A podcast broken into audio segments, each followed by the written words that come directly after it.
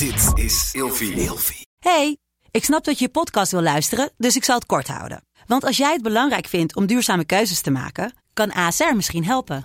Nou hoor ik je denken, hoe dan? Nou, bijvoorbeeld bij het duurzaam herstellen van schade. Of de premies die we beleggen volgens ons duurzaam beleggingsbeleid. Dat bepaalt waar we wel en juist niet in investeren. Wil je meer weten over welke duurzame keuzes ASR maakt? Ga dan naar asr.nl slash duurzame keuzes. ASR doet het. Zo, dan kan je nu lekker naar je podcast luisteren. Vroeger. Meneer de Munnik, we bespreken deze week het onderwerp Wat van SS. En op deze dag geven we altijd een verhaal in de categorie Historische personages. U zou het hebben vandaag over Anton Mustert. Mostert. Mussert. Mustert. Anton Mussert. Wie is dat? De leider van de NSB, de Nationaal Socialistische Beweging. De Nationaal Socialistische Beweging werd opgericht op 14 december 1931 door Meinoud Ros van Tonningen en Anton Mussert. Eh, zij zijn dus de Nederlandse Nationaal Socialistische Partij.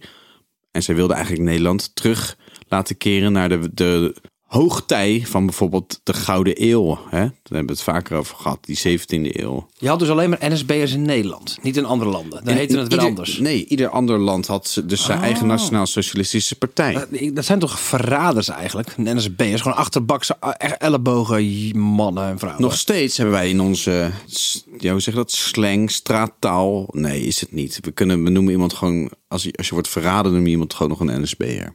Kijk, wij zien NSB'ers als mensen die hebben samengewerkt met de vijand. Er zijn natuurlijk verschillende gradaties in samenwerken. Maar de NSB was dus wel in, het, in de jaren 30 een, een rechtse politieke partij waar je op kon stemmen. En zij bracht een ander geluid. Een ander geluid dan het communisme. Een ander geluid dan de protestanten, de socialisten of de katholieken.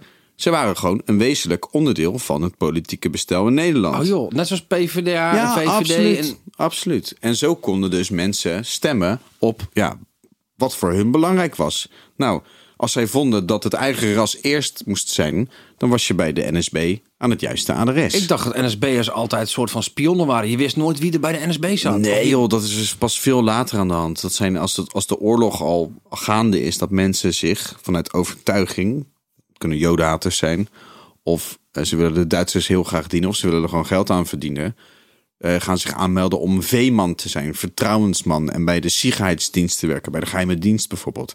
Dan gaan ze actief jagen op het verzet of op joden. Jodenjagers worden dat genoemd. Ehm, die, dat soort NSB'ers die waren wel echt fout. En die hebben natuurlijk na de oorlog ook vastgezeten. En sommigen zijn zelfs ter dood veroordeeld. Waaronder Anton Mussert. En die heeft het dus opgericht. Anton Mussert. Dankjewel, tot morgen. Vroeger.